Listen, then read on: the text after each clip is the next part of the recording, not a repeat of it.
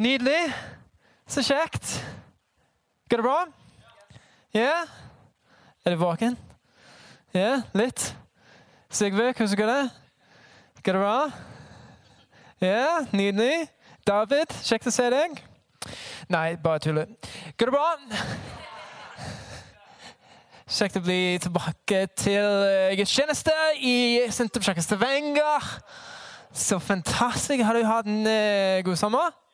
Ja? Hva har du gjort? Nei, bare um, no, I hope that uh, you've had a good and relaxing. Uh, oh, surprise! I speak English. Uh, um, I hope you've had a good summer, a relaxing summer, refreshing summer. Uh, there's. Uh, I was actually thinking there's quite a few people that uh, had babies over the summer, and whoop whoop, and got married and made a baby. And I was actually thinking that uh, with everyone that either had a baby, got married, or made a baby, like you guys were really busy this summer, either uh, having babies or making them or uh, getting married and having sex. Like, that takes a lot of energy, actually. So uh, hopefully you're not too tired. hope, hope everyone is well, happy to be in church. Glory to God. Um, oh, as Marie said, we bought a house uh, before summer, uh, so that has been the fun journey. Uh, we bought the, uh, I think it's 115 years old, and uh, it was uh, not renovated. So we got to do that, and that's been a fun journey over the course of the summer. And uh, but it's good to be back in church. Uh, we missed uh, being together with our people, and uh, it's good to be back. Um, I thought a lot over the summer. Um, there was a lot of time to think uh, and uh, ponder and contemplate things, and I thought a lot about the season of life that Marie and I are going into. Uh, being uh, going to be parents soon for the first time in the middle of November, and uh, and how that's very similar to the season of life that some other people here have entered into or are going to enter into, and how exciting that is. And uh, I thought a lot about just going from being, uh, from me, for being uh, going from being a husband to being a father, and how that kind of changes that identity and how you think about life and how you see life and your maybe priorities and uh, just your general perspective on life. Thought a lot about that over the summer and thought a lot about our church and how kind of the face of our church is changing a little bit. We have like if, like more kids than adults almost now, and so uh, there's a lot of kids on the way and how that changes uh, kind of who who we are a little bit. And um, and so looking a lot about and thinking a lot about our identity as a church and uh, who we are and what defines us. And uh, so that's what I, I kind of want to talk about today is what what and who defines who we are as the church and as uh, individuals. Um, and so uh, that's uh, the title of my message today. If you're taking notes, uh, is uh, the title of the message is better, Bedra. Uh, so you can turn your Bible to uh, Luke chapter 10, Lucas kapitel 10, T, 10 T. Um, Father, thank you for today. Thank you for uh, your house, God. Thank you, Lord, that your house is a house of prayer and is a house of peace and is a house that lifts you up. God, I pray, Lord, that as we open your word, Lord, that you would show us Jesus. Lord, we know that whenever we see Jesus, that we're never the same. And we ask, Lord, that uh, you would change us from the inside out. Lord, that we would be transformed by the power of your word.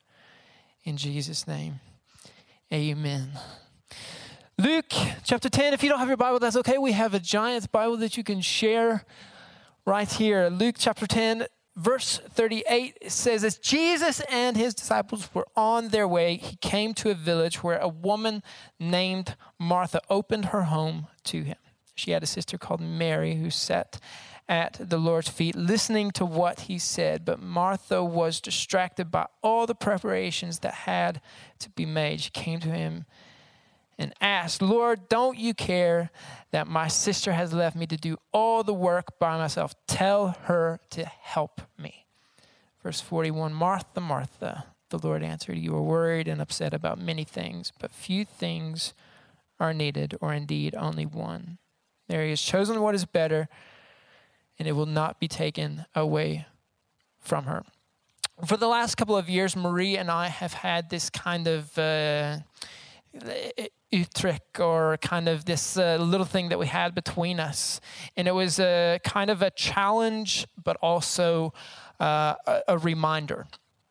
And it was a reminder that I can't control or we can't control always what other people say and do, uh, but I can control uh, my response and I can't control what I say. And so it was a good way to kind of be reminded uh, that maybe not always my response in every situation is the best. Uh, and, and sometimes it could use some improvement. Glory to God, you know. And uh, the the thing that we had between us and now all of you is uh, it, it, was BB, which stood for be better. And this little subtle thing, which was just be better. And uh, we never said it like in an angry way, like if Marie forgot to flush the toilet or something like that. I wasn't like, be better, you know, or anything like the poop in the toilet, be better, you know, or anything like that. That would be strange. Uh, she usually remembers. It only there was only that one time, right? Um, but uh, we it was never used in a in a mean way or anything like that. But uh, just a reminder, hey, be better, you know, just a subtle thing, be better be better. There's always room, glory to God, to be better. We can always improve it. Maria and I were talking about this this week that how uh, Christians often think that that you know we're we're saved by grace, which is absolutely true, and then that's enough, which is true. But there's always room for improvement, right? Like there's always room to be better, and I think that's.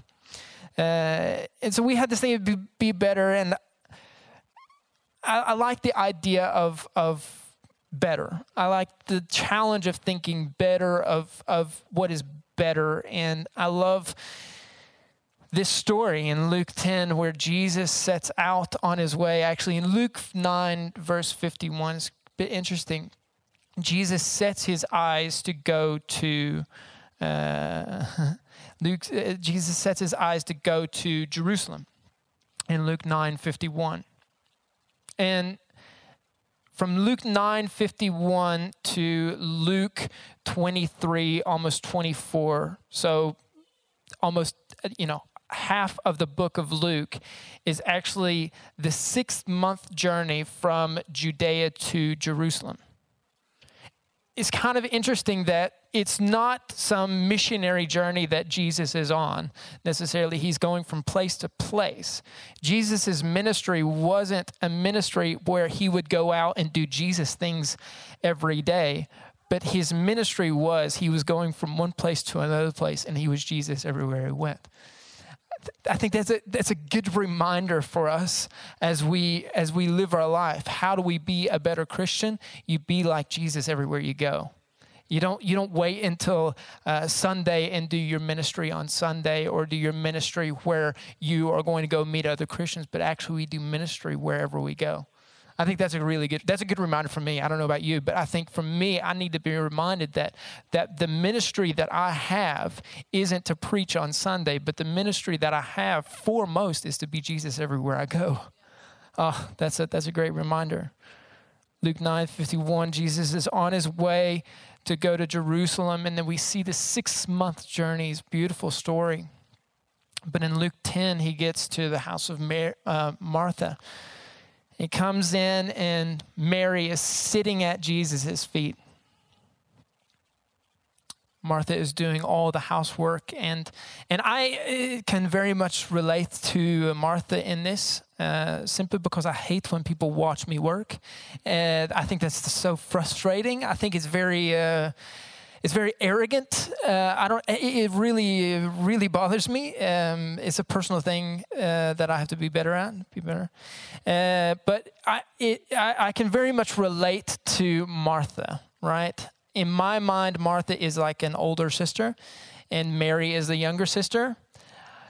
That makes sense to me because I'm an older sibling, and the younger siblings just never did anything right. Am I right? Can I get an amen? Uh, they never did anything right. They were always being troublesome and uh, pesky, but um,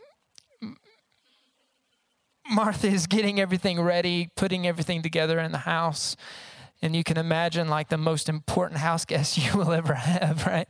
Like Jesus is there, so you kind of want, you know, you don't want hair in the sink, you know, you you want it to the house to be right. And Mary is sitting at Jesus' feet, not helping, and Martha gets frustrated. Jesus, would you tell her to help me?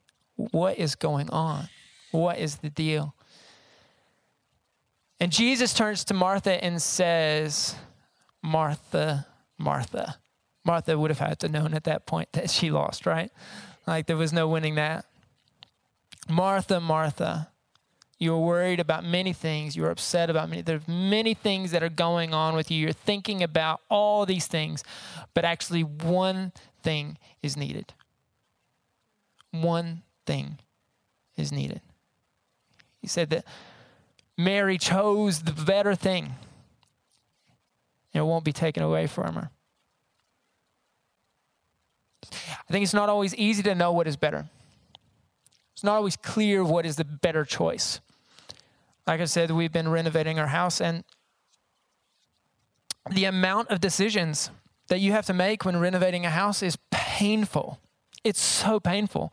There's so many decisions. Every time you turn around, you're making a new decision. Do you choose this floor or do you choose this floor? Which which one's better? This one is eight millimeters, but this one's six millimeters. But this one, you can have like a better underlayment that's more cushiony so that when the baby falls and bounces the head off of the, God forbid, right? But you know it's going to happen eventually that you're going to fall and the baby is going to, you want the baby to bounce, you know? So you choose like which one is better, right? I remember the most frustrating time throughout the whole uh, uppussing is when we went to IKEA to pick out at the kitchen, and they asked, "Do you want two skuffa or a three or a five or?" And I never thought about how many skuffa that I wanted in my life. And then now we're up to this like monumental uh, decision, this game changing, like how many drawers are you going to have in your kitchen? Like this changes everything. And I was totally freaked out. And like, which, which one is better? Well, it's really a personal preference. Well, which one do you like? you know, you're asking the guy that works at IKEA, like, I don't know. Like, you tell me what is better. this is so frustrating. It's not always easy knowing what is better. At the beginning, we, we did all the research and we tried to plan it out. You know, we asked friends. Towards the end, though, we just, do you want to do that? Yeah. Do you like that? Yeah. Should we buy that?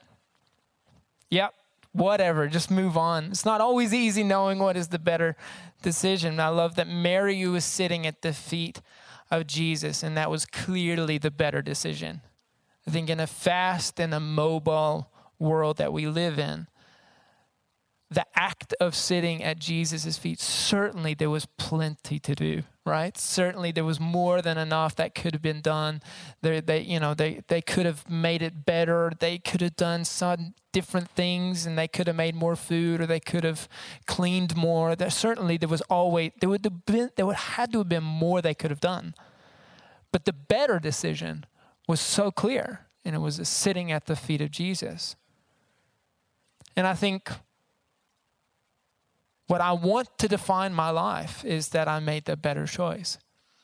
What I want to define who I am as a, as a man, as a husband, as a father, as a pastor is that I made the better choice. Is that I made the choice to sit at the feet of Jesus. literally and, you know, in my everyday that I made the better choice.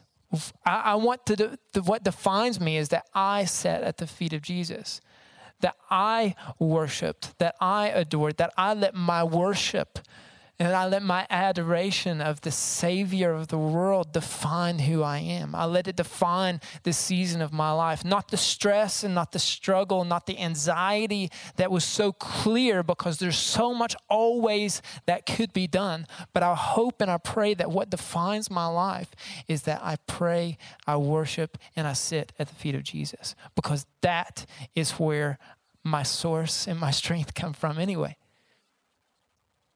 I pray that what defines our church is that we are a church that aren't known necessarily for a great kids program, though that would be awesome. That it is awesome. I pray that what doesn't define our church is great preaching, though I'm not too bad, you know, whatevs. But I, I, pray, you know, what doesn't define our church is, is not, not tremendous leadership or, or a great building or great worship or great this or great that. I pray that what defines our church is a heart of worship and a heart that sits at the feet of Jesus to admire Jesus. Because when we win there, we'll do okay everywhere else. I guarantee it. I pray that what defines us individually is that we are first and foremost choosing the better, to sit at the feet of Jesus, to admire and to adore Jesus because he is worthy of our praise. Psalm 27, verse 4 and 5 says, One thing I ask from the Lord, this only do I seek, that I may dwell in the house of the Lord all the days of my life, to gaze on the beauty of the Lord and to seek him in his temple. For in the day of trouble, he will keep me safe in his dwelling. He will hide me in the shelter of his sacred tent and, and set me high upon a rock. This is the better. A life of worship, a life that adores Jesus, to live in awe in wonder of the beauty of our Savior. David writes this song to God saying, I want to be in your presence. I want to, I want to be with you. I want to see you. I want to experience what it's like to be close to you. That's all I want. That's this this is the main thing that my heart, my life, it defined who he was as an individual not just the season of life that he was in, but it defined his life to the very core. He wanted to see God. He wanted to see God. And really, this is, this is what heaven will be like, won't it? Uh, so many Christians have no idea what heaven is like. Uh, we think that it's, yeah, it's, it's a place where there's no pain and no suffering, and that's great. There's no wars, there's no fighting, that's well and good. But the best part of heaven is not that it is the lack of pain and suffering. The best part of heaven is not that it is the lack of fighting and wars. The best part of heaven is not diplomatic peace. The best part of heaven is not that it isn't hell. The best part of heaven is that we get to see Jesus.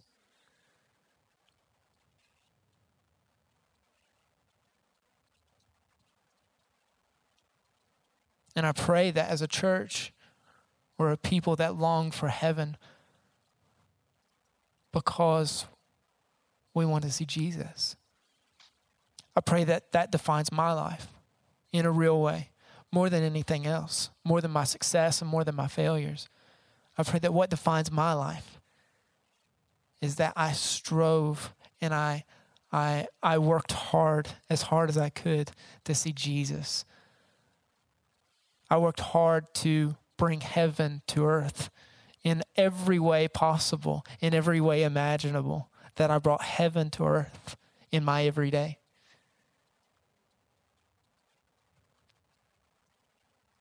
The question is, what does it look like in your life to make the better choice? I think that life comes in seasons. I think that when you're young, you have a, a little bit less uh, responsibility, right? Like there is uh, time to play Fortnite for like three, four, five hours maybe, right? When you're uh, when you're a little bit older, you don't have that time to do that so much. When you're married and uh, maybe you have kids, there's not so much uh, Fortnite time left. Maybe uh, there's uh, there's less time. I think, what does it look like to live, uh, you know, a life of worship? And I think living a life of worship can very much look like raising a child that loves God, that knows God, that knows that there's a God that loves them, that created them, and that has a plan and a future for them. I think that's very much a life of worship. I don't think a life of worship is restricted to sitting down and listening to worship music and praying and reading your Bible. I think that we can live a life of worship by training a child in the ways of the Lord. I think that you can live a life of worship by telling uh, your, your workmates that there's a God that has a plan for their life and there's a God that loves them. I think that you can live a life of worship by being loved to other people around you. I think that you can live a life of worship by, by being gracious and being humble with other people for bringing peace into every situation that you enter into, bringing wisdom into different situations that you come into. I think that you can live a life of worship in a lot of different ways. I don't think it necessarily requires five hours of uh, prayer and worship every day. Because maybe that's not the season that you're in. I think we need to redefine what nearness to God looks like in the season that you're in. Maybe you're not in a season where you have so much extra time. Maybe you're in a season where you don't have so much space and have the ability to do whatever you want to do. Maybe it doesn't work like that for you. So, what do we do then? I think a life of worship is more about a posture of living than it is about necessarily an actual sitting down, praying, worshiping. But don't get me wrong, I think that's definitely an aspect of it. And I, I don't think that we can uh, replace one with the other. I think that there's definitely an aspect where we need to be worship and we need to spend time in God's presence for sure. You can't replace one with the other. But I believe that we need to redefine a little bit what that looks like. What does that look like for you? What kind of time do you have? And at the very time I say that, I think one of the things that I've been challenged with over the last little bit is the margin that I have in life. Do I have margin in my life? Do I have the, the little bit extra time in my schedule to breathe, to turn around, to think for my own? Do you have margin in your life? Do you have a little bit extra time in your life? And if not, how do you shape that margin? How do you create margin of time in your life? What does that look like? How do you do it? Is it waking up 15 minutes earlier? What would you do with an extra 30 minutes or an extra hour in your day? That's wild to think. How do you get that? How do you create margin? What are three things that you could do to create margin in your life? Because it, it has to start with meeting Jesus for yourself. It has to start with seeking Him for yourself. It has to start with worshiping for yourself. Because when we do that, it actually shapes our response to everything else around in our life doesn't it? I know that I'm a much better person whenever I spend time with Jesus. I'm a much better time when I've spent time in the Word, praying and listening to what God says about me. I know who I am whenever I spend time listening, not talking to God. I know much better about who I am and what I need to be challenged with whenever I stop talking a little bit and just spend time worshiping and and and talking to God or listening to God as it were. How do we do that? How do you do that in your life? I pray that we're a church that ventures into the unknown of finding out how to spend time with God. What does it look like to worship God on our own?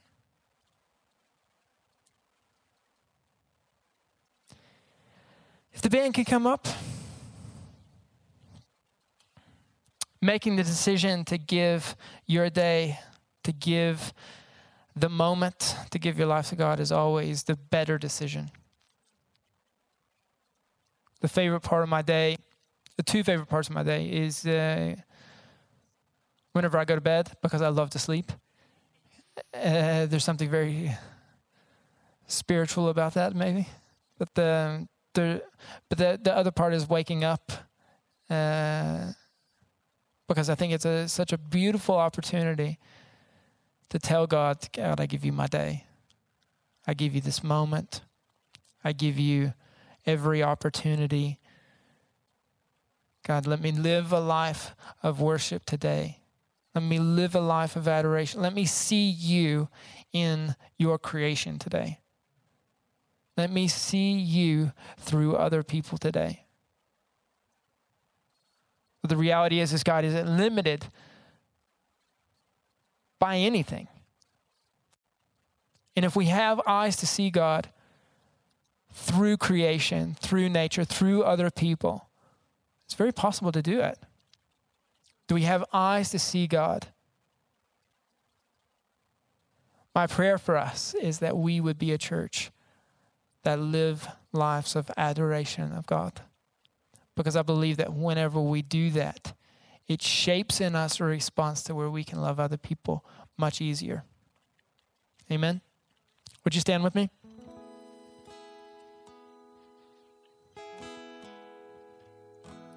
I believe that the most important thing that you can do this week is fall more in love with Jesus. I believe that the most important thing that you can do next week is fall more in love with Jesus. How do we do that? We pray, read the Bible, talk to other people, have eyes to see what God has for you this week. Can I pray for us?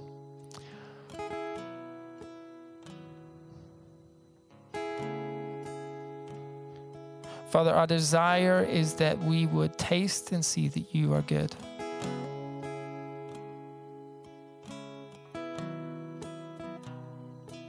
Father, our prayer is that this season, God, we be defined as the season where we sought God.